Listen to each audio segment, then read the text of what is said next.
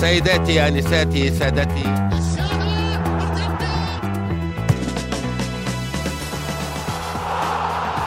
السلام عليكم ورحمة الله وبركاته. حياكم الله في حلقة جديدة من بودكاست مرتدة. الحلقة التي تأتي بعد ختام كأس العالم للأندية واللي كانت فيها مشاركة جدا مميزة لنادي الهلال السعودي اللي احتل فيها المركز الثاني وحاز على وصافة كأس العالم للأندية خلف ريال مدريد الذي توج بهذه البطولة. مشاركة لو عدنا بالزمن إلى ما قبل بدايتها ما قبل مباراة الوداد. أعتقد أن الغالبية ما كانوا بيسرحون بأحلامهم وتمنياتهم إلى أن يرون الهلال واقفا على منصة التتويج وينال الميدالية الفضية. خلف فريق في كل بطولة ينافس عليها وفي كل مشاركة يدخل فيها. دائما ما يكون هو المرشح الأول والأقوى. النادي اللي اشتكت منه أندية أوروبا النادي اللي عانى أمام باريس سان جيرمان ومانشستر سيتي وتشيلسي وغيرهم من الأندية واللي تكلم عنه كبار المدربين عن حضوره وشخصيته في المواقف الكبيرة وفي البطولات اللي يتطلب الأمر فيها الكثير من الصلابة الذهنية والحضور الذهني في المباريات. أن تحل وصيفا خلف فريق بقيمة ريال مدريد هو بحد ذاته إنجاز. أن تصل إلى الميدالية الفضية وأنت في واحدة من أسوأ فتراتك هو إنجاز. أنك توصل إلى منطقة لم تصل إليها من قبل وتحقق نجاح لم يسبقك إليه أي نادي سعودي من قبل هو نجاح كبير جدا للهلال أيا كانت الأحاديث اللي تلت هالمباراة. أنا أقول دائما أنه إذا بنتكلم عن نجاح أو منجز عليك دائما أن تعود إلى نقطة الصفر إلى نقطة ما قبل الانطلاقة. كثيرين اعتبروا خروجنا من دور المجموعات أمام في كأس العالم الأخير أمام الأرجنتين وبولندا والمكسيك إنه نوع من الفشل لكن لو عدت بالزمن إلى ما قبل مباراة الأرجنتين ما أحد كان يتوقع أن بنظهر بهذا المظهر أمام الأرجنتين أو حتى المستوى اللي كان موجود في المباراة اللي بعدها أمام بولندا لأنك بتقدمك في البطولة مباراة بعد مباراة تبدأ الطموحات ترتفع تبدأ الأحلام تكبر تبدأ تطمع في أشياء أنت ما كنت من الممكن أنك تطمع فيها ما قبل البطولة ولذلك أعتقد أنه ما حاز عليه الهلال في هذه البطولة هو إنجاز بغض النظر عن أي تفاصيل أخرى إنجاز يستحق الاحتفاء يستحق تسليط الضوء ولذلك هذه الحلقة بتكون بالكامل عن مشاركة الهلال في كأس العالم للأندية وعن المباراة الممتازة اللي قدمها أمام ريال مدريد في نهائي شهد ثمانية أهداف منها ثلاثة أهداف سجلها الهلال في مرمى ريال مدريد. كما جرت العادة يرافقني في هذه الحلقة عزيز الغالي خالد القحطاني أبو سعود. طبت مساء. يا أهلا وسهلا أبو علي حياك الله. أهلا وسهلا فيك وأهلا وسهلا بالسادة المستمعين والمستمعات. وفعلا أنا أشاركك نفس الخط. آه، أمس كانت واحدة من اللحظات اللي يرتفع فيها سقف الأندية الآسيوية في أهدافها الموسمية. إذا كان في بطل لدوري أبطال آسيا بيحقق هذه البطولة وبعد ذلك بيبدأ يعيش العرس هذا مع بداية كأس العالم للأندية آه هذا الموضوع غالبا ما راح يتكرر. آه لأن الهلال رفع, السقف في ما حدث في الأمس أو حتى من حدث من وقت مباراة فلامينغو أن يخرج الوداد على أرضه وهو بطل أفريقيا وهو النادي اللي استضاف الأهلي المصري وخسر أمام الأهلي خسارة صعبة على هذه الأرض وأمام هذه الجمهور وبعد ذلك ينتقل يواجه فريق مثل فلامينغو النادي اللي مهاجمين الاثنين بس يتفوقون على قيمة الهلال السوقية بكل من فيها وأخيرا وليس آخرا يقابل ريال مدريد ويسجل ثلاث أهداف في مرمى ريال مدريد واحد من الأندية اللي في النسخة الماضية من دوري الأبطال لما حققها واجه كل الأندية اللي في بالك تخاف أنك تواجهها لو كنت من كنت في هذا العالم من أي فريق. واجه باريس سان جيرمان في الذهاب والإياب دور 16 وأخرج باريس بميسي ومبابي ونيمار ودوناروما وغيرهم. وبعد ذلك واجه تشيلسي مع توماس توخيل حامل اللقب ورغم الصعوبات في الإياب مدريد تأهل وبعد ذلك واجه مان سيتي مع بيب جوارديولا اللي أعتقد أنها كانت واحدة من أعظم نسخ المان سيتي في الفترة الأخيرة ما بعد يعني خلينا نقول نسخة 18 17 وأخرجهم وفي النهاية يواجه ليفربول مع يورجن كلوب وكسب ليفربول يورجن كلوب. وبعد ذلك تتالت الإنجازات الفردية لهذا الفريق تيبو كورتوا أفضل حارس في العالم كريم بنزيما أفضل لاعب في العالم وإلى آخره. هذا الفريق اليوم يواجه الهلال على نهائي دوري الأبطال. خمسة ثلاثة نتيجة ما هي سهلة. لكن الفارق هدفين والهلال النادي اللي يعتقد من الندرة في هذا العالم أنه يسجل ثلاثة أهداف في 90 دقيقة على ريال مدريد وكل ثلاثة أهداف فيها كمية يعني خلينا نقول جمل تكتيكية رائعة وكمية من القدرة العظيمة اللي أنا شفتها سواء مرتدة ماريغا اللي كانت فيها أربع لمسات لما حافظ كاريو على الكورة وكاتف أعتقد مودريتش وبعد ذلك انطلق وال double pass ما بين فييتو وكنو. اللحظة اللي أنا صراحة كبر في عيني فيها سعود عبد الحميد كثير. اللي كانت في الهدف الثاني إنه عطى طولية ثم هو نفسه راح يسند فيها مريقا مجهود كبير وأخذها وبعد ذلك كان له الأسيست ولا حتى الهدفين اللي كان فيها أداء عظيم لوسيانو فييتو حتى ميشيل والله قدم واحدة من أروع المباريات. آه كنت فخورا بهذا الهلال مع إني لما اللحظة اللي كانت قبل عشر أيام تقريبا دخل فيها هذه البطولة كنت مجردة من كل التوقعات. الكل في هذه اللحظة كان يرى هذا الهلال هو النادي المقيد من تسجيل يفقد ستة لعيبة أساسيين في في قائمته وبعد ذلك يفقد محمد كنو للإيقاف وأصلا هو غير مقنع على المستوى الفني وعنده زحمة لعيبة أجانب ما استفاد منهم. كل هذا اليوم أنت تنساه وتقيم الهلال على أنه هل هو ياخذ الكاس من مدريد ولا يخسر بفارق الهدفين؟ فأمانة كنت جدا سعيد بليلة أمس. وفرحتي بالهدف الثالث لهذا صراحة ما كانت تضاهيها فرحة. أنت فرحت بأي هدف؟ الهدف ماريجا الأول. مم. لاني أعتقد إنه في 2-0 في أول 17 دقيقة يجيك شعور كذا ان هنالك كارثة توشك أن تحدث. لكن هدف ماريجا من الممكن إنه هو اللي يرجع الهلال في المباراة مرة ثانية وأعطاه ثقة. وحتى بدأ ريال مدريد يشعر إنه هذا مش فريق مستسلم مش فريق أنا بتسيد عليه المباراة من بدايتها إلى نهايتها. أعتقد إنه كان في مشاعر متضاربة مختلطة عند كثير من مشجعي الهلال ما بعد المباراة. ما بين الحسرة على أنه أنت كنت على بعد 90 دقيقة من إنجاز عمرك في حياتك ما راح تنساه. وما بين سعادتك واعتزازك بأن فريقك يوصل هالمرحلة اللي ما سبق ووصل إليها من قبل. في بيت شعر للمتنبي يصف الحال هو بيت عظيم جدا يقول إذا كانت النفوس كبارا تعبت في مرادها الأجسام قدر الهلال أن تطلعاته دائما كبيرة وقدر الهلال أن ما اعتاد أبدا أن مركز ثاني وميدالية فضية هي شيء كافي بالنسبة له. أمس وأنا أشوف لاعبي الهلال أثناء تقلدهم للميداليات الفضية تقريبا ما تشوف ولا واحد مبتسم. يعني كان في شعور حسرة كان في دموع من فيتو بعد نهاية المباراة. حتى في التصريحات من اللاعبين اللي أنا شفتها خليفة الدوسري وفيتو بعد المباراة في لغة أنه كان من الممكن أنه نسوي شيء أفضل من اللي من اللي حنا سويناه.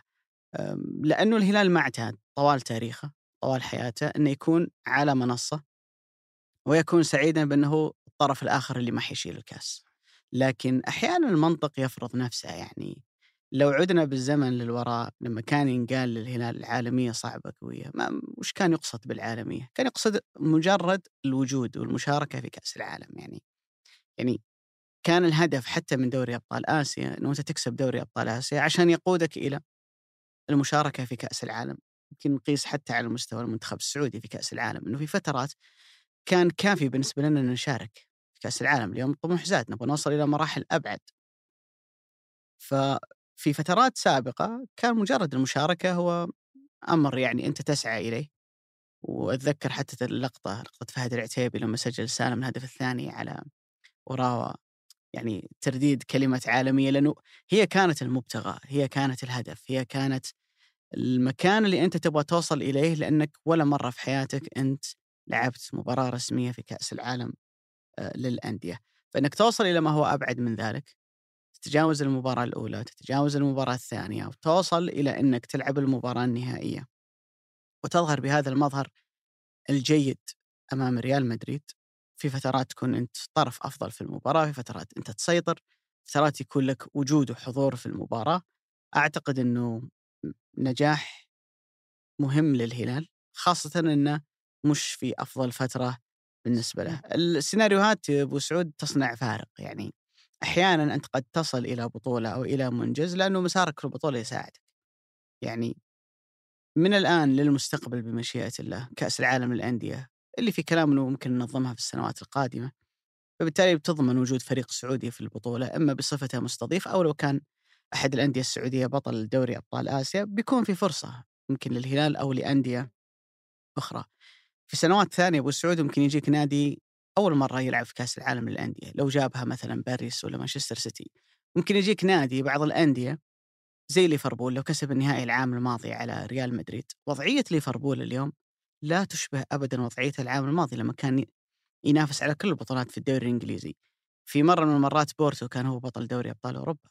يعني قد تساعدك الظروف أنك في مرة قادمة تصطدم بمنافس أقل صعوبة وقوة وصلابة من فريق زي ريال مدريد. يعني آخر 18 أو 19 نهائي قاري خاضه ريال مدريد خسر واحد ضد فريق معتاد على اللعب ضد ريال مدريد اللي هو أتلتيكو. عاد ما تقدر تفوز على أتلتيكو كل مرة. نهائيات Champions نهائيات سوبر وكل النهائيات الممكنة. الخمسة Champions اللي جابها الريال من رأسية راموس اللي كانت في لشبونة 2014 تفتح لك الباب إنك تلعب في بطولات سوبر اللي هي البطولات القصيرة من مباراة ومباراتين. تتكلم عن السوبر الأوروبي وتتكلم عن كأس العالم للأندية. هالخمسة Champions فتحت الباب لريال مدريد إنه يلعب في عشر بطولات من هالنوع. جاب تسعة وضيع واحدة. والواحده اللي ضيعها مثل ما قلنا كانت ضد أتلتيكو. بعد رحيل زيدان وكريستيانو رونالدو مجيء مدرب جديد زي لوبوتيجي كانت أول مباراة في الموسم كانت في الصيف ضد أتلتيكو مدريد. فلا تتوقع من ريال مدريد وديو كوستا أعطاك نسخة ما تتوقع إيه يعني تتوقع من ريال مدريد اللي بيجيك في نص الموسم مكتمل الصفوف مستقر مع مدربه الثاني في الدوري واصل نصف نهائي كأس الملك واصل دور 16 في دوري أبطال أوروبا وتتوقع إن المباراة ضده بتكون سهلة وتتوقع إنه أنت عندك حظوظ كبيرة إنك تكسب المباراة. في كنا نسولف أنا وياك أبو سعود هذه الأشياء الواحد يقولها تحت الهواء بس ممكن ما يقولها. يعني ما قبل المباراة إنه حظوظ الهلال في المباراة من نفسك تقول ما تتجاوز 5% الناس تقيس صحيح. على السعودية والأرجنتين. الفارق هنا أكبر بكثير. صحيح. ليش؟ لأنه الحلول في الأرجنتين تتمحور حوالين ميسي. لاحقا في البطولة ظهر ألفاريز كحل. لكن تتكلم عن ريال مدريد. يا رجل اللي على الدكة سيبايوس ورودريجو أسينسيو هذول مشكلة بالنسبة لك. ما بالك بال بالفريق الأساسي. أنت والمنظومة كلها أبو علي. المنظومة وتلعب ضد الأرجنتين هي مباراة افتتاح. يعني لو خسر ضدك ممكن يعوض في الجاي. صحيح. أنت تتعامل مع فريق يلعب معك مباراة نهائية. هو أصلا خسران كأس السوبر الأسباني. فما يحتمل المزيد من الصدمات. يبغى يرجع يبغى يعود مرة ثانية عن طريق هالمباراة. ولذلك اللي شاف المباراة شاف مقدار الجدية اللي لعبها ريال مدريد. أمام كل هالظروف كل هالمعطيات أنا عارف أنه اللعيبة في داخل أنفسهم عندهم طموح ورغبة عالية جدا. المشجع عنده أمنية أن يشوف فريقه في هالمكان لكن أنت وصلت إلى مرحلة أنه صار طموحك ومطلبك والشيء اللي تعتب على ناديك وإن كان عتاب لطيف إنه ما حققه إنك تقول أبغاك تجيب كأس العالم. وين كان الهلال؟ ما قبل أوراوا 2019 وين وصل اليوم؟ من مرحلة إنك أنت تتمنى إنك تفوز فيها بدوري أبطال آسيا عشان تشارك في كأس العالم إلى مرحلة تقول خسارة والله ليتني قدرت أفوز على مدريد و... وأنا اللي أفوز بكاس العالم. رفع للسقف. جدا. هذا رفع للسقف. وأنت قلت نقطة مهمة أبو علي في سالفة إنه مباراة الأرجنتين ممكن تكون فتحت بعض الأبواب. أتذكر وياك كنا نسولف كثير تحت الهواء برضو أيام حلقات كأس العالم إنه هذا المستوى هو أقل كثير من أندية النخبة في أوروبا، مستوى كأس العالم ككل. الأندية في أوروبا ارتفعت كثير مقاييسها الفنية والتكتيكية والتحضيرية وحتى على مستوى الاستشفاء، يعني ريال مدريد لعب مباراتين في ظرف ثلاث أيام أربع أيام ما بين الهلال والأهلي المصري. ومع ذلك تشوف واحد مثل لوكا مودريتش مع إنهم قبل ثلاث أيام برضو منها كانوا لاعبين قدام ريال مايوركا. كان واحد من لوكا مودريتش تحس إنه عمره 18 سنة مو 38 سنة.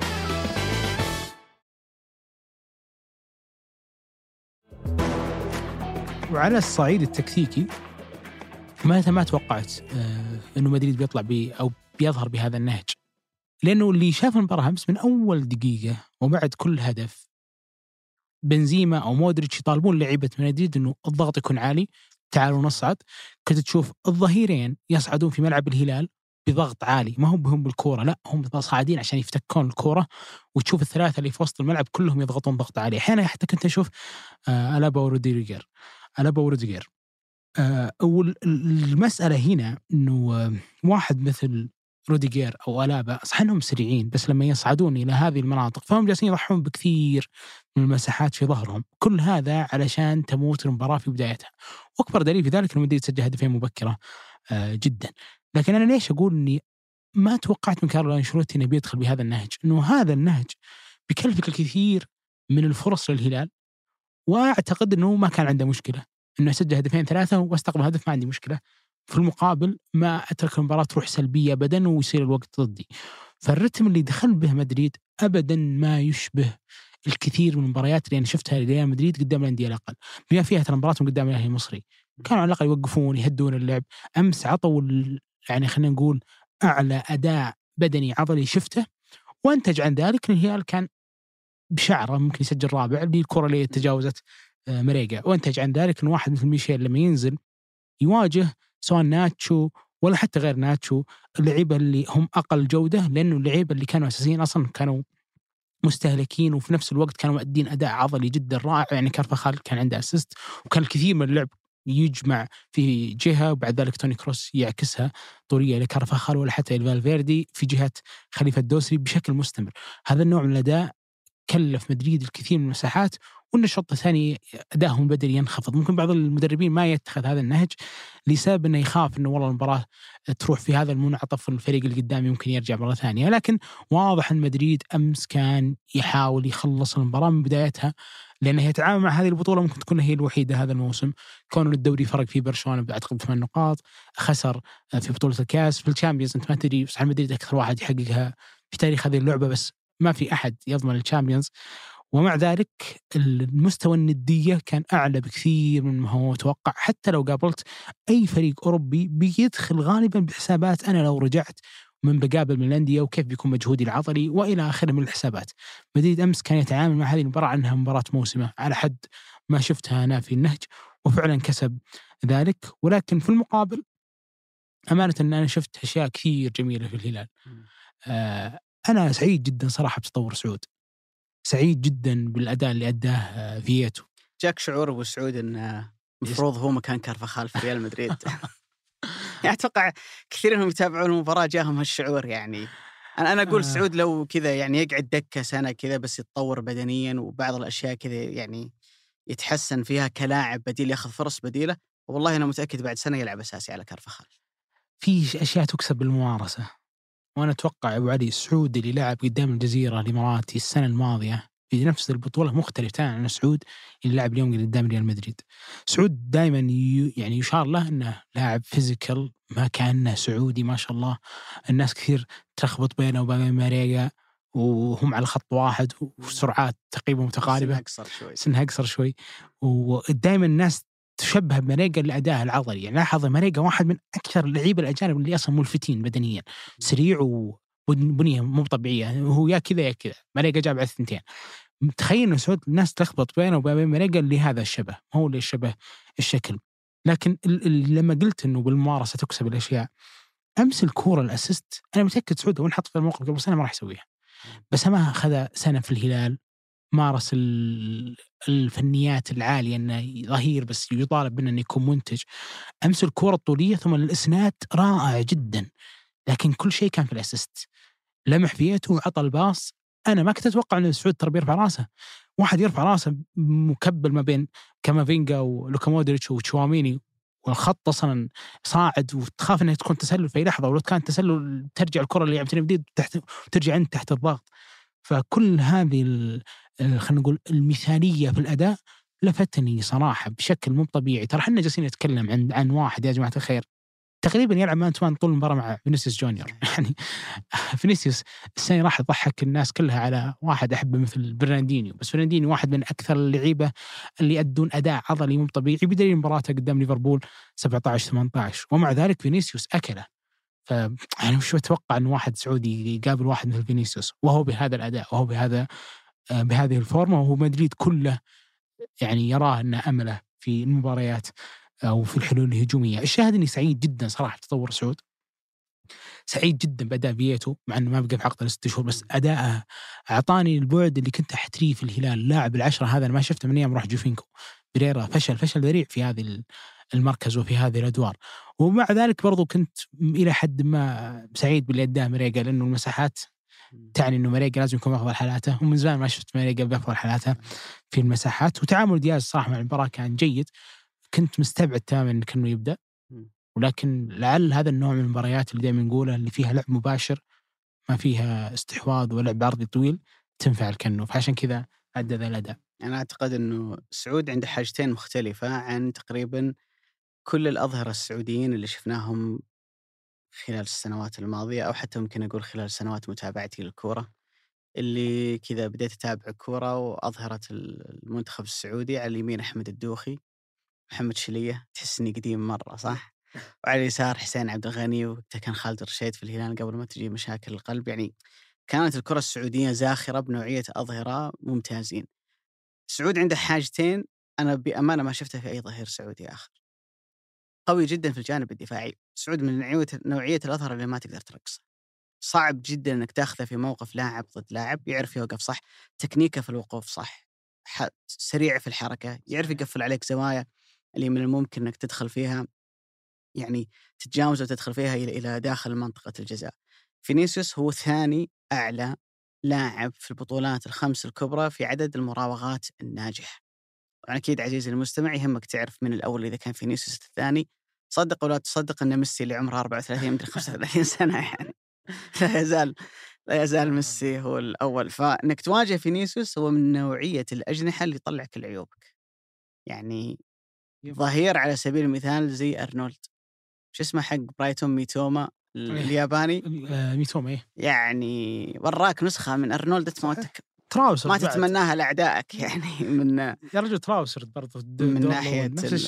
اي بالضبط. فنوعية تكشف اللاعبين. عرفت اللي يبرز عيوب اللاعب. تتكلم عن فينيسيوس اللي خذ جائزة أفضل لاعب في البطولة يعني هو في البطولة ذي أداء جدا مرتفع. فهذه النقطة اللي أعتقد إن سعود متفوق عليها اللي هي الصلابة الدفاعية. النقطة الثانية أنا أعتقد إنه أفضل ظهير سعودي يلعب في أنصاف المساحات. أنصاف المساحات. يعني مش ظهير يلعب على الخط.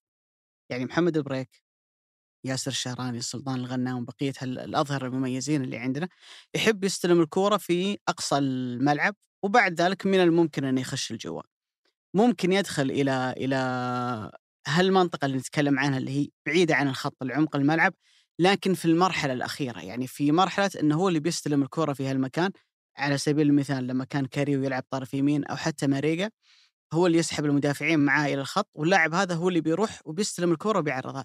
سعود يقود لك هجمات من عمق الملعب. سعود يمرر لك تمريرات ممتازة جدا زي تمريرة الفيتو في الهدف الثاني من عمق الملعب. فهو لاعب ممتاز في في في عدة خصائص بدنيا ما شاء الله تبارك الله لاعب جدا مميز. ما أعتقد أنه موهوب في في عملية ال- المراوغات والترقيص والحلول الفردية اللي ممكن محمد البراك يكون أعلى منه فيها. اللي لحق على أحمد الدوخي كان الدوخي حاجة عظيمة جدا في الجمهور كان ينطرب. لما الدوخي كان ياخذ لاعب على الخط ويدخل فيه جوا. سعود ذكي أكثر لاعب تحسه يمكن أقدر أعتبره أكثر لاعب سعودي متماشي ومتلائم مع الكرة الحديثة اللي قاعدة تلعب اليوم. وعشان كذا الناس تقول عن السعودي أنه هو أجهز واحد يحترف برا. لو حصل له فرصة لأنك تحس أنه ما في فارق كبير عنده في في الجانب البدني أولا وفي جانب فهم الأدوار المطلوبة منه كلاعب ظهير لما تحطه في مقارنة مع اللاعبين اللي هم الصفوة على مستوى العالم ما يعني ذلك إنه يقدر بكرة يروح يلعب في ليفربول ولا في مانشستر مع إننا نت- نتمنى. لكن لو خذ ال- الفرصة الخطوة اللي تأهل إنه يوصل لهالمكان أنا أتوقع سعود ممكن بعد ثلاث سنوات لو خذ ال- الخطوة من الآن يقدر يلعب في نادي من الصفوة من أعلى عشرة أندية في أوروبا يلعب أساسي. بس يحتاج الخطوة اللي قبل هذه. خطوة فيورنتينا اللي كانت عند محمد صلاح وروما اللي بعدها راح ليفربول الخطوة اللي مثلا لاعب زي فالفيردي تشوفه أساسي في ريال مدريد لأنه خذ له فترة إعارة مع دي ديبورتيفو. يعني تصير كثير إن اللاعب يحتاج خطوة ما قبل الفريق الكبير اللي يكون موجود فيها يتطور أحسن يتعلم كثير من الأشياء اللي ممكن تكون آه، تنقصه. بالنسبة لابو سعود لنقطة ريال مدريد والمباراة الجماعه ذولا ترى يدرسونك بشكل جيد. ويحاولون يحسبون أدق أدق التفاصيل اللي ممكن تكسبهم المباراة. الهلال في الثلاث في النسختين الماضية كانت أسوأ مباراة يلعبها هي مباراة الثالث والرابع، جزء من الموضوع لأنه الدافع يختلف.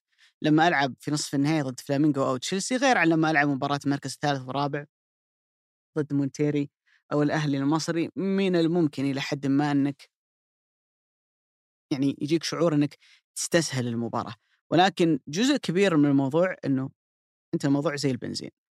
تشد في المباراة الأولى تشد في مباراة نصف النهائي توصل المباراة الأخيرة وأنت خلاص. صارت مع المنتخب السعودي وتكلمنا عنها إنه أسوأ مباراة بدنيا قدمناها كانت مباراة المكسيك لأنه أعطينا أعلى شيء عندنا ضد الأرجنتين من ثم نزلنا شوية ضد بولندا وأتى الانهيار أمام المكسيك.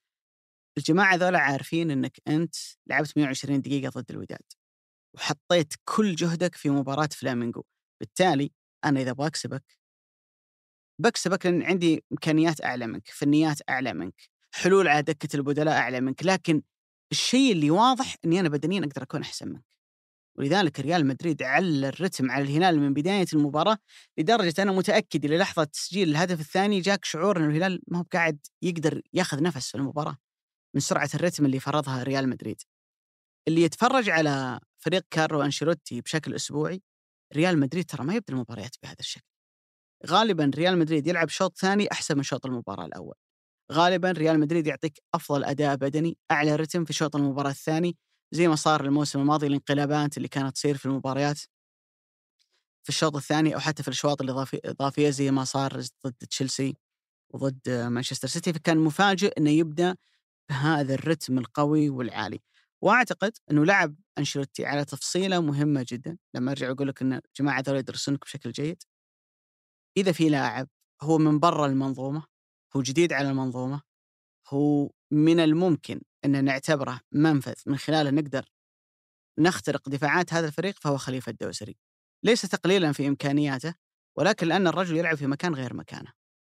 واصلا هو يلعب برجله اليمين ويلعب ظهير يسار فلما تجي الكورة تحاول تقفل عليه جهة إنه ياخذ الكورة إلى عمق الملعب برجله اليمين يصعب عليه انه ياخذها على رجله اليسار ويطلع فيها على برا. فبالتالي تقدر إنك في نقطة ما تخنق الهلال في في هالمكان. ولذلك الهلال اللي عفوا ريال مدريد اللي عنده فينيسيوس اللي يعتبر هو حل كبير جدا لريال مدريد مع ذلك تشعر وأنت تتابع المباراة إن هجمات ريال مدريد كلها من الجانب الأيمن. كانت الفكرة في ظني الواضحة عندهم إنه كارفاخال مع مودريتش أو فالفيردي واحد منهم مع كارفاخال على الجهة اليمين يحاول ياخذ سالم وياخذ خليفة وممكن يشد معاهم لاعب المحور القريب سواء محمد كنو أو كوير وياخذهم على أقصى الجانب الأيمن، على اليسار وش يصير؟ إن بنزيما وفينيسيوس لو ترجع تتفرج على الهجمات اللي كانت لريال مدريد من الجهة اليمين بتلاحظ إن بنزيما وفينيسيوس ماخذين اثنين أو ثلاثة من خط دفاع الهلال ماخذينهم على القائم الثاني.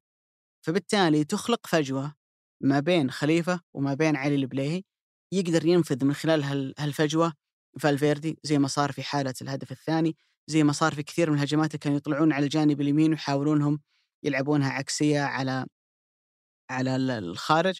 استغلوا جدا النقطة هذه اللي كانت موجودة كنقطة ضعف في الهلال. استغلوا فارق القدرات البدنية الموجودة ما بين الفريقين وحاولوا يعلنون رتم المباراة عليك بشكل بشكل كبير. ولكن أعتقد إنه جت لحظات كذا في المباراة كان من الممكن إنه الهلال ينهار لكن الفريق رجع وقف على رجليه مرة ثانية. صحيح وأتوقع الأهداف كان لها دور كبير في هالشيء.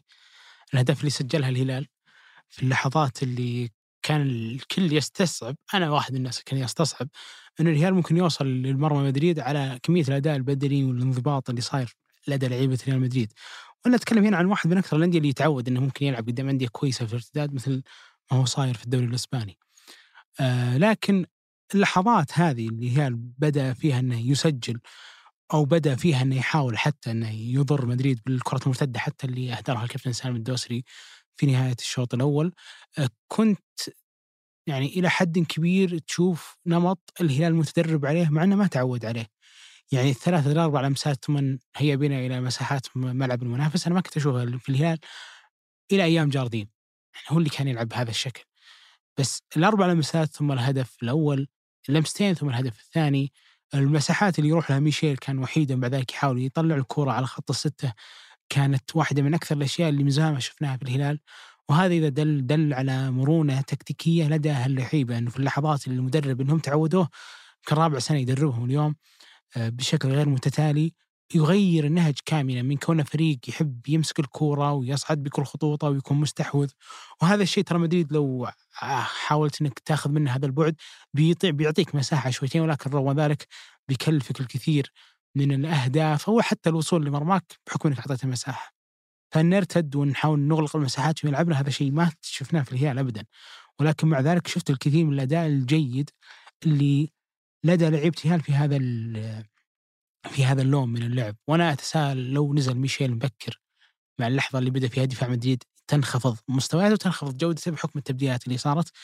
آه، وش ممكن يصير؟ ما هو أصلا كان على على يعني خلينا نقول شعره على بعد شعره من إنه يسجل هدف رابع اللي ما توفق فيها الشيخ موسى مريقا ابدا. ولكن بالتأكيد إنه في كل الأحوال الهلال على السقف والهلال بهذا الظهور بيبني لحقبة قادمة إنه أي فريق آسيوي بيدخل هذه البطولة وش بتسوي؟ شيء ما سواه الهلال لأنه كونك تصعد كبطل آسيا وتخرج صاحب الأرض وتخرج صاحب لقب الكاس ليبرتادورس ولا هو أي لقب يعني تتكلم عن فلامينغو ما هو نادي مكسيكي مثل ما صار سابقا ولا هو نادي تشيلي. وفلامينغو بكل آه، وهجة وبكل امكانياته يواجهك وتكسبه بالثلاثة وبعد ذلك تروح تواجه مدريد وبعد ذلك تحقق الميدالية الفضية بكونك تسجل آه، كل هذا الأداء أمام ريال مدريد. امانه كانت واحدة من أكثر اللحظات اللي أنا متأكد إنها سيؤرخ لها كثير. المشاركات قبل غير والمشاركات بعد نسخة 2023 غير وأتوقع أنه من الصعب جدا تكرارها. والنادي اللي ممكن يكررها أنا أتصور هو الهلال. لاعتبار واحد هو اللي دائما مطالب أنه يكون في هذا المكان. ما في أي نادي آسيوي مطالب سنويا أنه يكون في هذا المكان إلا الهلال. وما في أي نادي آسيوي يتحمل بطولة ال Champions League أني ما حققتها أنا فشلت. كنت ثاني كنت ثالث ما حققتها أنا شخص فاشل. وبدليل آخر عشر نسخ الهلال تأهل خمس مرات إلى النهائي واليوم هو على أعتاب دور 16 قدام شباب أهلي دبي بعد تقريبا أعتقد ثمان أيام من اليوم.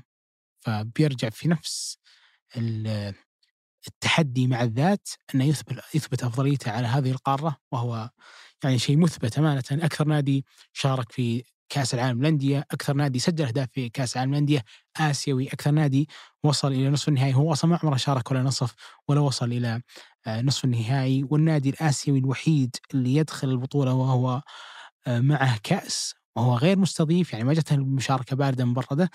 وبعد ذلك ياخذ الميدالية الفضية من أندية كأس الليبرتادورس ولا حتى أندية أفريقيا وأمام أكبر أندية العالم في أوروبا لو هو نادي ريال مدريد. فهذا النوع من اكتساب الخبرة هذا النوع من تحدي الذات هذا النوع من معرفة وين مكانك من العالم يساعدنا كثير على التطور.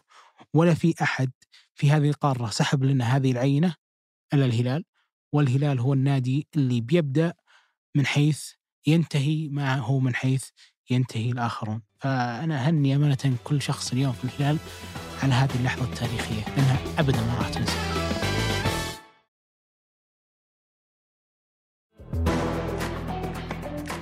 أعتقد إنه كمان من الأشياء اللي يعني ينبغي أن يهنأ عليها الهلال تحديدا اللاعبين اللي كانوا موجودين في الملعب إنه المباراة كان من الممكن أن تنتهي بنتيجة كارثية. أنا متأكد إنه أي مشجع هلالي بعد الهدف الثاني لريال مدريد في لحظتين في المباراة يجيك شعور كذا إن المباراة يعني توشك على انها يحدث فيها كارثة. ما بعد الهدف الثاني وما بعد الهدف الرابع. ليش؟ لأنه ما بين الهدف الأول دقيقة 13 والهدف الثاني دقيقة 18 فارق خمس دقائق.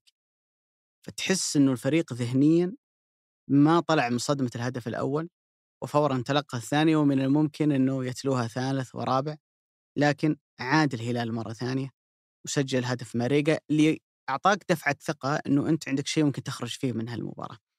في شوط المباراة الثاني الهلال داخل يحاول إنه يعدل النتيجة بحكم إنها 2-1 تلاقي نفسك 54 تستقبل الثالث 58 تستقبل الرابع أيضا بيجيك هنا شعور إنه المباراة ممكن تخلص خمسة ولا ستة واحد لكن يرجع الهلال مرة ثانية ويسجل بعد خمس دقائق من هدف ريال مدريد الرابع يسجل الهدف الثاني ومن ثم تنتهي المباراة بنتيجة خمسة ثلاثة. هل المنعرجات اللي تصير في المباريات وأنت قاعد أصلا تلعب في المباراة بشكل وأسلوب أنت أول مرة في حياتك تلعب فيه؟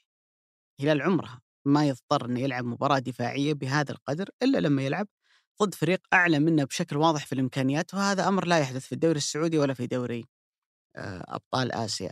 فكان شكل الهلال جديد إنه أصلا فيتو يلعب كلاعب مهاجم وهمي مباراة ما فيها ايجالو أو أي لاعب تسعة صريح ترجع من الأربعة اثنين ثلاثة واحد اللي لعب فيها المباراة الماضية وترجع مرة ثانية تلعب ثلاثي في في في الوسط. شفت موسى ماريجا في أكثر من توظيف بداية المباراة كان تسعة بعدين لاعب كطرف أيمن. هذا التغير اللي يصير في المباراة إعادة تشكيل الفريق وتنظيم الفريق وإعادة إحياء آمالة في المباراة. من خلال لحظات معينة أنت تستغل فيها هفوة ممكن يعطيك إياها ريال مدريد. أعتقد إنه يدل على على شخصية فريق على فريق وصل إلى مرحلة إنه ما عاد يهاب أي منافس أو أي مباراة من الممكن إنه يلعب فيها. هالشيء تطلب من الهلال سنوات طويلة جدا حتى يصل إلى أن ينعم بهذا الشعور. ولذلك أكبر تحدي الآن يواجه إدارة الهلال للفترة القادمة شلون تحافظ على هالفريق في في المنافسة؟ شلون يتحول إلى شيء يشبه اللي سواه ريال مدريد في دوري أبطال أوروبا اللي قاعد يسويه الأهلي المصري على مستوى دوري أبطال أفريقيا إنك تتحول إلى عنصر ثابت وناجح الأصل إنك كل سنة أنت اللي بتفوز أو بتنافس على دوري أبطال آسيا والاستثناء هو ما يذهب منك للمنافسين. كثير أبو سعود ينقال عبارة إنه الهلال أول فريق يوصل للمباراة النهائية بصفته بطل آسيا.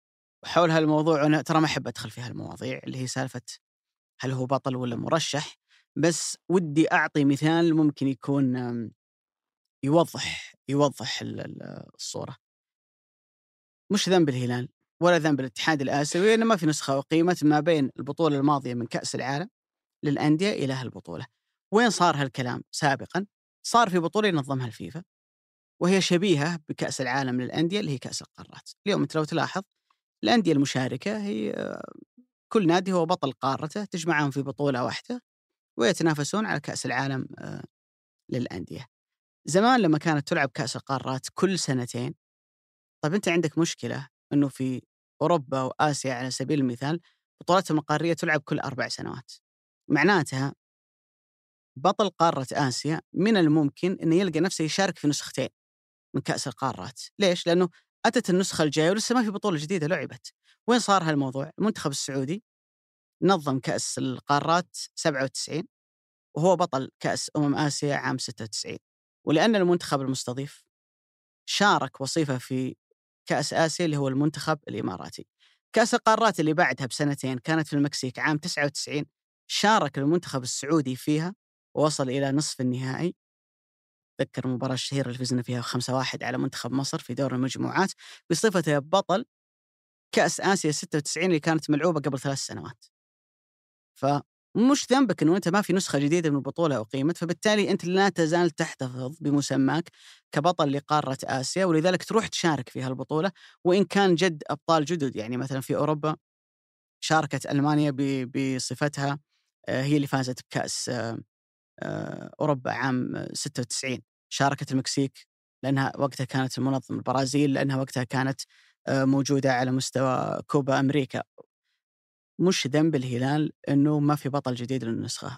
من الآن إلى أن يأتي بطل جديد أنت تحتفظ بمسماك إنه أنت بطل لقارة آسيا. وأعتقد إنه كل النجاحات اللي صارت مؤخرا تحفز الهلال. الفترة القادمة النسخة القادمة اللي بتبدأ بعد أيام الادوار الاقصائيه من دوري أبطال آسيا. اللي بيشارك فيها الهلال والشباب والفيصل نتمنى لهم التوفيق إن شاء الله. أتوقع إنه هالمباراة هي نقطة انطلاقة بالنسبة للهلال. الحديث عن تغيير دياز حتما في الفترة هذه راح يتوقف. الحديث عن مشاكل الفريق اللغة بتتغير الخطاب بيتغير ثقة اللاعبين بأنفسهم زادت. لكن أعتقد أنه من هنا إلى نهاية الموسم الهلال طلع من هالبطولة بمكاسب كبيرة جدا. حتساعده في الدخول بقوة في المنافسات اللي هو موجود فيها حاليا سواء الدوري اللي ما قبل كأس العالم هو يفرق بس نقطتين عن الأندية اللي كانت موجودة في الصدارة الاتحاد والشباب والنصر كلهم كانوا 34 والهلال عنده 32 نقطة أو حتى كأس الملك أو دوري أبطال آسيا اللي يستهدف الهلال أنه يكون آه، موجود في النهائي اللي راح يكون على نهاية أبريل بإذن الله تعالى. بعطيك رقم بالي مو برقم تسلسل زمني للفترة الجاية.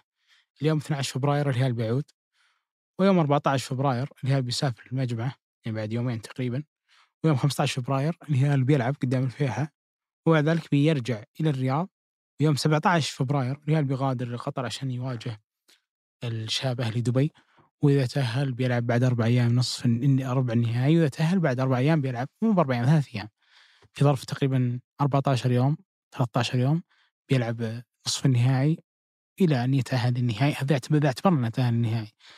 آه أنا أتوقع واحد مثل هذا النادي أو واحدة من مثل هذه المشاركات مثل ما تعامل مثلا الاتحاد المصري مع الأهلي المصري مثل ما تعامل الاتحاد المغربي مع نادي الوداد اللي هو بطل أفريقيا ومستضيف هذه البطولة كان على الأحرى أن يعامل الهلال بمثل هذا التعامل. يعني إنه هذا الفريق اللي هو مرشح دائما إنه ياخذ هذه البطولة أو يشارك فيها بأفضل شكل. ما هو من المنطق ابدا إنه يضغط في ظرف ثلاث أيام يكون ما بين المغرب والمجمعه بعد ذلك قطر وأنت في يدك رزنامه. يعني مثلا جولة الدوري بتبدأ يوم الثلاثاء تلعب على ثلاثاء اربعاء خميس الهلال بيلعب الاربعاء بينما في مباريات الخميس بينما إنه يقدر يلعب برضو بعد ذلك الثلاثاء الأكيد إنه هذه الفترة ابدا غير مثالية لأي نادي في العالم إنه يلعب بهذا الشكل فكيف نادي يطلع من نسخة ويدخل في نسخة جديدة وبعد ذلك تطالب انه يظهر أفضل ما لديه. أمانة أم، ما أحب ألمس هذا النوع من المواضيع اللي هو مسألة الدعم والآخرة وكيف يدعم مثل هذا الكلام، بس أنا أعرف الشيء بقرينة. يعني الحدث في الاتحاد المصري اللي حدث في الاتحاد المغربي ما هو حالة آه، استثنائية حادثة؟ لا لا. أنت كنادي أفريقي كبطل آسيوي كبطل أفريقي تبدأ هذه البطولة من بداياتها. ما أنت بريال مدريد وانت فلامينغو اللي يجي من نصف النهائي. أنت بتبدأ من قبل. فالبطولة بالنسبة لك أوسع بكثير. يمكن أحد يجي يقول طب هذا مدريد جاي من ريال مايوركا يلعب. okay ريال مدريد بس بيلعب نصف نهائي ثم بعد ذلك نهائي. هذا بخلاف طبعا كونه ريال مدريد. وش تعني له هذه البطولة؟ فلامينغو نفس الشيء. احد يقول إنه لعب قبل ثلاث أيام قبل ما يجي هلال صحيح. بس في نفس الوقت فلامينغو تو بادي أصلا الموسم عنده. هذه نقطة. النقطة الثانية كاس العالم توقفه وافق في البرازيل إنه يكون بداية الموسم. النقطه الثالثة إنه بادي من نصف نهائي فكل هذه الاعتبارات كنت أتمنى من الاتحاد السعودي عموما من الأستاذ ياسر المسعد اللي أمس كان على منصة التتويج إذا أنت كنت تتمنى إنه في نادي سعودي ينحط في هذه المواضع دائما ما يمنع ابدا إنه اللي شفناه في السنين الماضية لما كانت أندية الأبطال أو اللي تشارك بدوري أبطال آسيا تجمع مع رابطة دوري المحترفين في بداية كل موسم بعد ذلك يبدأ عملية التوازن إني أتركك في البحر ثم أنا ألاقيك على منصة التتويج إذا صعدت. هذا شيء أمانة ما حبيته ولا أتوقع أصلا إنه مثالي. في نفس التوقيت اللي الدوري أنت في يدك تقدر فيه تؤجل عشان تظهر هذا النادي بأفضل شكل. وكلنا ترى شفنا الموسم الماضي الدوري تأجل شهر كامل فلان الرزنامه في يد. آه هذا الاتحاد وفي نفس الوقت بعد دوري أو بعد الأدوار الإقصائية هذه بيتوقف دوري أبطال آسيا وبيدخل الهلال في معترك كأس الملك، طيب هل من المنطق إنه يكون يسير بشكل مثالي في كل هذه البطولات؟ أو هل على الأقل تساوت الفرص؟ يعني هل هنا أقدر أقول إن الهلال في كأس الملك متساوي الفرص مع غيره؟ أو في الدوري؟ لا طبعا. اللي عنده مجهود أعلى وفي نفس الوقت مساحة الاستشفاء عنده أقل بكثير. طيب هل أنا اتحاد سعودي فقط مشرع أو أدير هذه المسابقة؟ ولا أنا مثل ما يقال عني إني داعم وإني مؤيد وإني اعضد هذه الأندية وأحاول أكبرها وأظهرها. اذا الشباب والهلال أو حتى الفيصلي والهلال بشكل محدد لأن شارك في مونديال الأندية كان ولا بد إنه ما يتعرض لمثل هذه ال- حاله الدوران يعني اللي جالسة تصير. يعني إحنا شفنا في ليلة واحدة تأجل تأجلت مباراة واحدة ما بين النصر والطائي. بسبب العذر التقني اللي صار ولا صار شيء في الدوري. طيب وش أقوى من هذا العذر؟ عموما أنا ما أدري ان الهلال ما راح يطالب بهذا الشيء بس أنا جالس أفكر بصوت طويل هل في نادي سعودي سواء كان هلال، اتحاد، نصر، شباب بيظهر في هذه المنصات بأفضل حال هو يتعرض لما يتعرض له في دورينا؟ أنا ما أظن صراحة. أنا أعتقد إنه ال- ال- النصف الثاني من الموسم في في كمية ضغط رهيبة على كل الأندية وقدر الهلال إنه اضيف عليها مباراة كأس سوبر اضيف عليها ثلاث مباريات من كأس العالم للأندية ورايحة الفترة الجاية لدوري أبطال آسيا اللي بيكون فيها أيضا مباريات زيادة عليه قياسا بالأندية اللي قاعد يتنافس معها على بطولة ال- الدوري. يمكن الكلام هذا قيل العام الماضي إنه بطولة الدوري صعبة على الهلال الهلال مستبعد بسبب الإرهاق لكن أعتقد إنه هالسنة تحديدا أم، فرص الهلال بتكون صعبة جدا في الدوري لأنه كمية المباريات أنت في أندية قاعدة تنافس تنافسك بس على الدوري وعندها ممكن كل شهرين مباراة زيادة على موسمهم في بطولة كأس الملك. الهلال الفترة القادمة عنده عدد مرعب جدا من المباريات اللي مضطر إنه يلعبها في فترة قصيرة. في فترة أصلا الإصابات آه، قاعدة تزيد آه، عندك بشكل كبير. أعتقد أبو سعود إنه واحدة من أصعب المهام في الحياة إنك تكون رئيس نادي. لأنك تضطر تاخذ قرارات يعني تبدي لك وجه إنه من الجانب هذا هي صح ومن الجانب هذا هي صح. ويمكن أكبر حيرة اليوم تواجه رئيس نادي عندنا في الدوري السعودي بعد هالمستويات هل أجدد مع فيتو ولا ولا خليه نهاية السنة يمشي؟ لأنه شفنا نماذج في كرة القدم للاعبين تأتي لحظة معينة تنقلب فيها مسيرة اللاعب يتحول فيها إلى إنسان ثاني. ويمكن أبرز مثال شفناه في السنوات الأخيرة من لاعب عالة يبون الفكة منه يحاولوا يسوقونه بقدر المستطاع. والآن تحول إلى واحد من أميز اللاعبين في فريقه اللي هو عثمان ديمبلي. كان برشلونة يبي الفكة منه. بلشانين راتب اللاعب عالي ولا هم قادرين يصرفونه ولاعب كثير اصابات فجأة تحول عثمان ديمبلي إلى لاعب أساسي ممكن ثاني أهم لاعب في منظومة برشلونة الهجومية بعد آه ليفاندوفسكي. يمكن قلنا هالكلام عن كاريو إنه قبل نهاية دوري ابطال آسيا كان لاعب وبعدين صار لاعب ثاني. الشيء اللي أظهره فيتو في كأس العالم للأندية وإنه يوصل يكون ثالث أفضل لاعب في البطولة لك أن تتخيل أبو سعود ضد فلامينغو ضد ريال مدريد أنت مسجل ست أهداف. الهدف الوحيد اللي ما يحسب فيتو كصناعة أو تسجيل هو هدف ماريجا اللي هو عامل ال pre-assist يعني التمريرة اللي قبل تمريره كانو اللي هي كانت جدا مهمة. وكان نقطة يعني الهلال اللي يرتكز عليها في عملية التحولات. على ذلك بلنتيين تسبب فيها ضد فلامينغو سجل هو الهدف الثالث سجل لك هدفين أمام ريال مدريد. فإنك تظهر بهذا المستوى وهذه الثقة وتتكلم عن يعني عن عن لاعب بالنسبة للهلال يعني هي كانت المشكلة ان عقده مع الهلال ثلاث سنوات. فينتهي بنهاية الموسم فعليا ما لعب إلا موسمين لأنه واحد منها كان معار للشباب. لكن تتكلم عن لاعب عمره 29 سنة. يعني يقدر يعطيك في المستوى العالي تقريبا ثلاث سنوات قادمة. فهو تحدي يعني وموقف أنا أعرف إنه ممكن كثير من الهلاليين يطمعون في لعيبة أفضل بس من الممكن إنه حتى يكون خيار بديل بالنسبة لك. من الممكن إنه يكون لاعب يعطيك عمق في التشكيلة كونه يقدر يلعب لك كمهاجم وهمي مثل ما لعب أمس يلعب كلاعب طرف يسار يلعب كلاعب عشرة. لو تضمن إن فيتو دائما بيكون في هذا المستوى وعنده هذه الرغبة بيكون فارق معاك جدا في الفترة الماضية. أنا أعتقد إنه اللي قيد فيتو من النجاح في الفترة الماضية هو نفسه اللي تسبب في فشل بيريرا.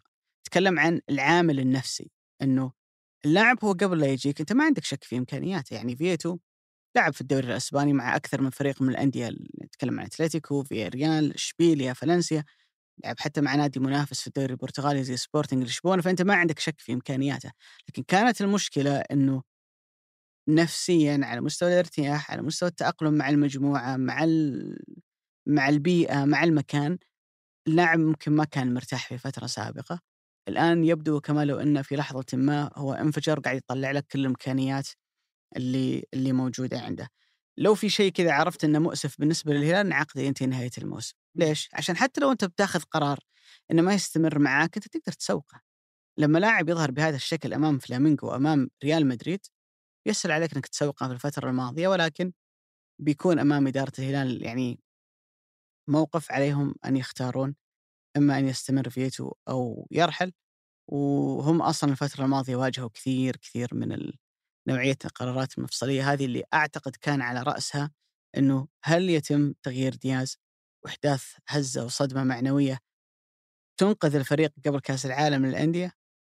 أو إنك تعطيه الثقة مرة ثانية؟ هم راهنوا كسبوا الرهان وأعتقد إنه بتكون بداية جديدة لدياز مع اللاعبين في في الفترة القادمة اللي بيكون يعني أهم شيء بيصير فيها بالنسبة للهلال إنه يبدأ يسترجع للاعبين المصابين اللي موجودين عنده وعلى رأسهم آه، سلمان الفرج اللي بيفرق مع الفريق كثير على الجانب القيادي وحتى على مستوى التاثير الكبير اللي يصنعه في في في وسط الملعب.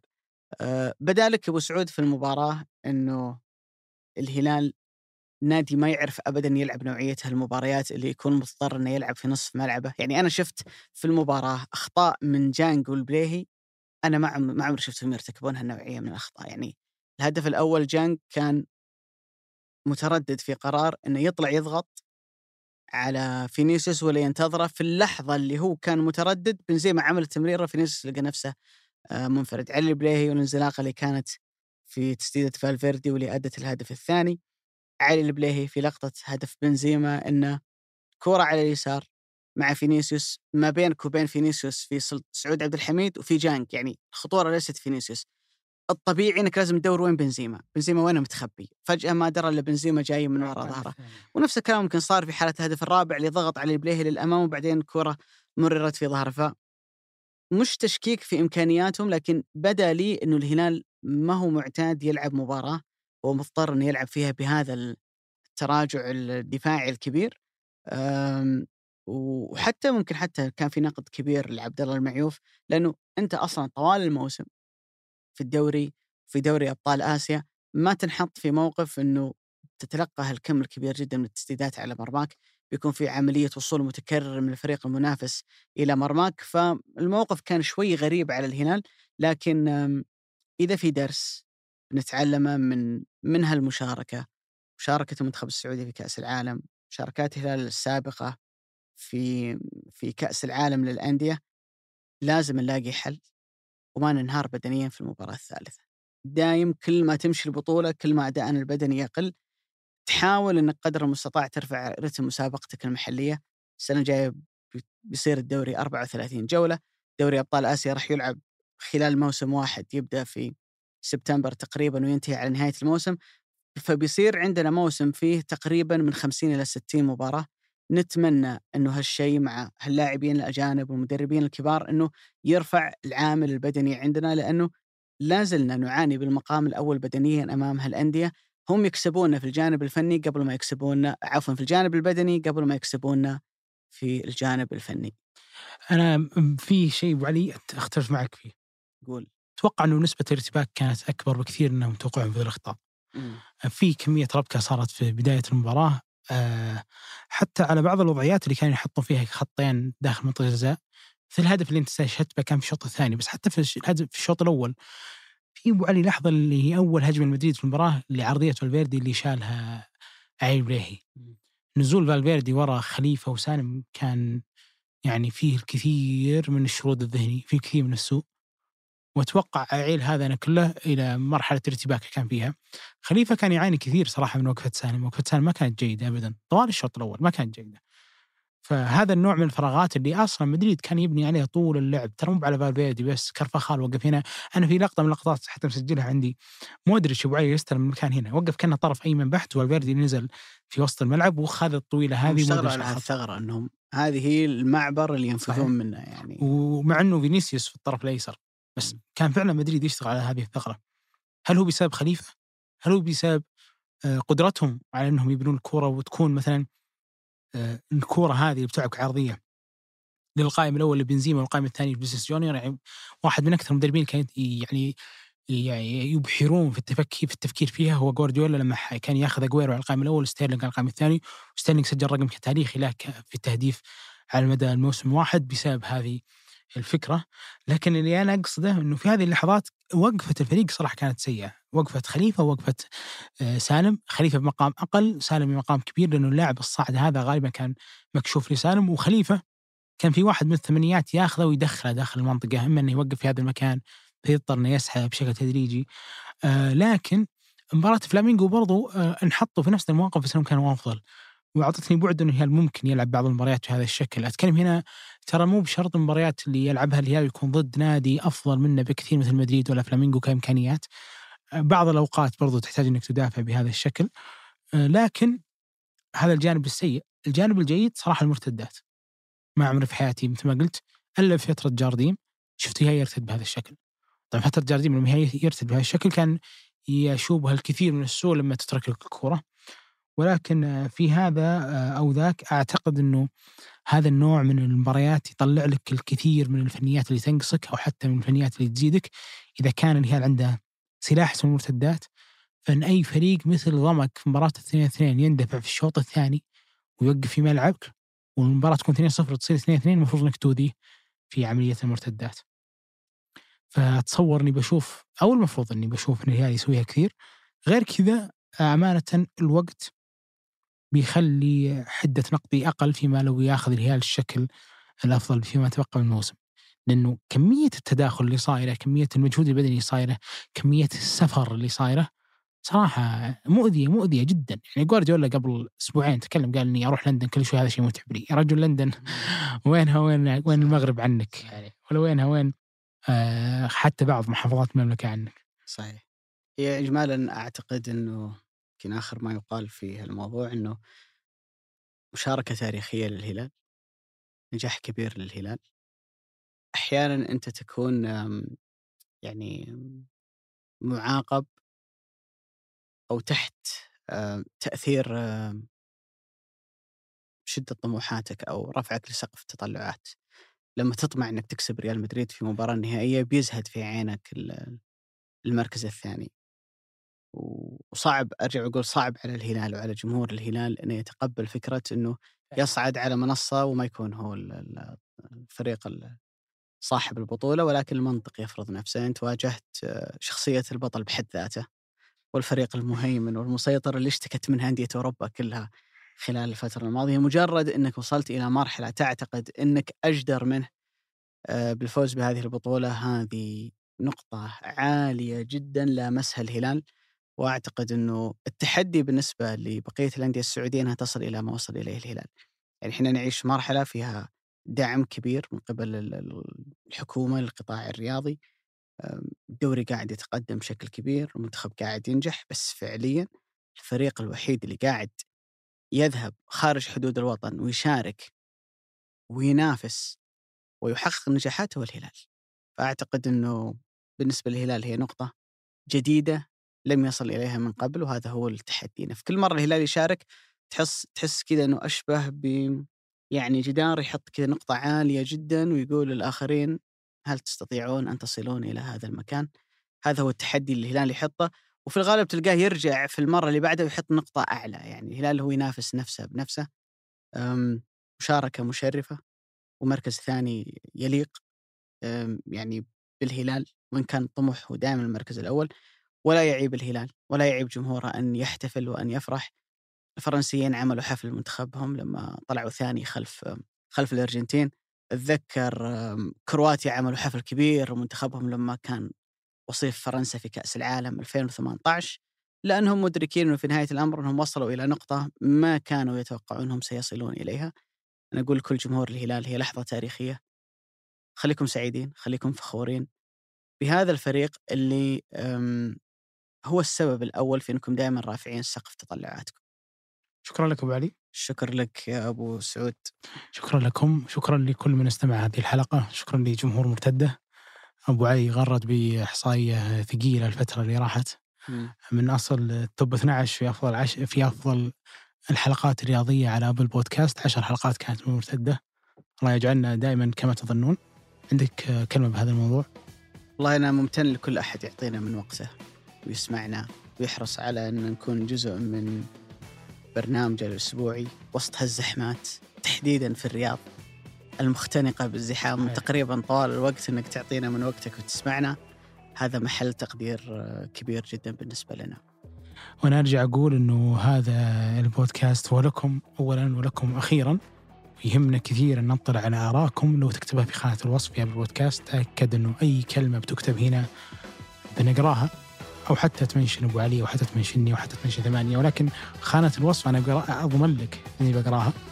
ويهمنا كثيرا صراحة أنكم تقيمونا على ابل بودكاست ولا حتى على أي تطبيق من تطبيقات البودكاست اللي تسمعونها.